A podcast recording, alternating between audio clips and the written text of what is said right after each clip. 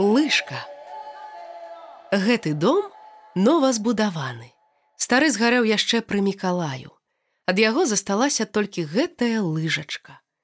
Мужиком ён быў надзвычай працавітым і самастойным. Спадзяваўся толькі на сябе, бо гэта захоўвала час, слёзы і прастору. Такіх асабліва багі і чэрці не любяць. Яго салёныя кроплі не сілкавалі кветку чужой злараднасці.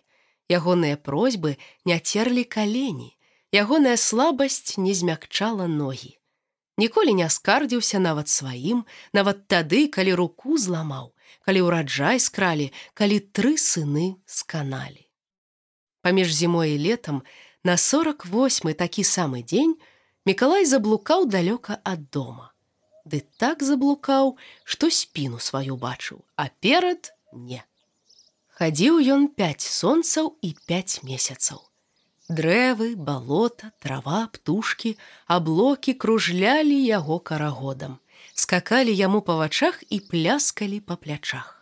Нават цень стаміўся за ім ісці і зрэдку адставаў то там, то сям, каб перавесці святло.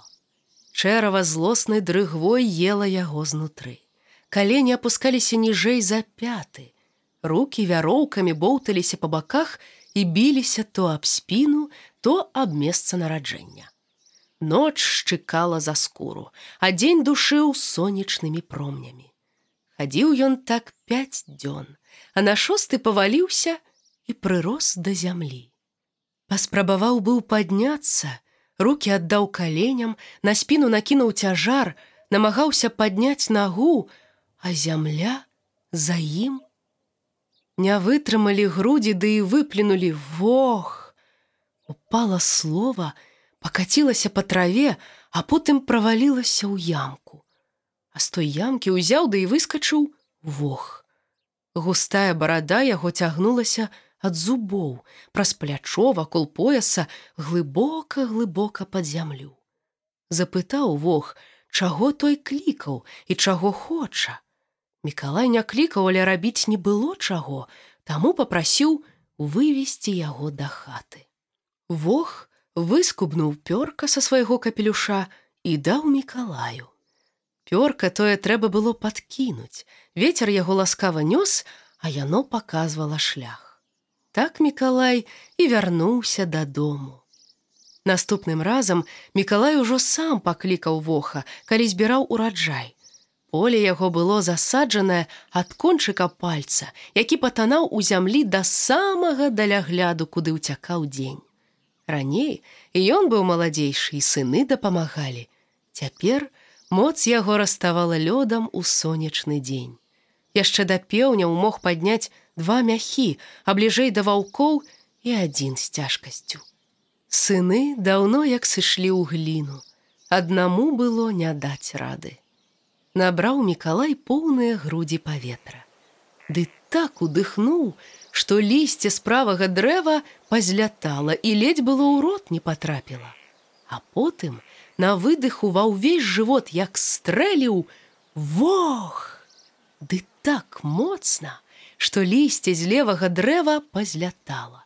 У той самы момант з зямлі з'явіўся вох і спытаў, чаго Мікалай яго клікаў і чаго хоча выслухаў ён мікалая і выправіў дадому. А затым напусціў вох на поле моцны ветер, які падымаў зямлю і кідаў назад, але нізам да гары. Вярнуўся мікалай, а ўвесь ураджай ужо на паверхні ляжыць, толькі бяры і складай у мех.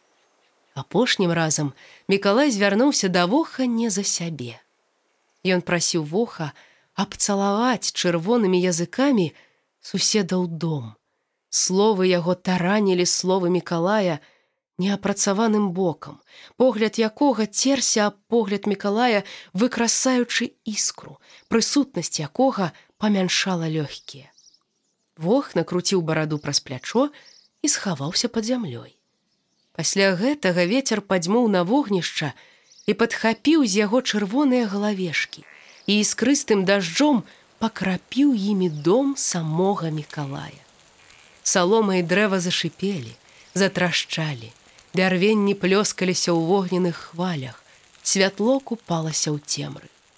Хутка ягоны дом рушыў следам за вохам.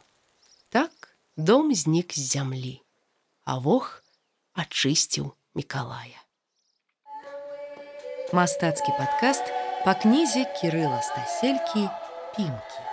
Агучвала Крысціна Дробыш.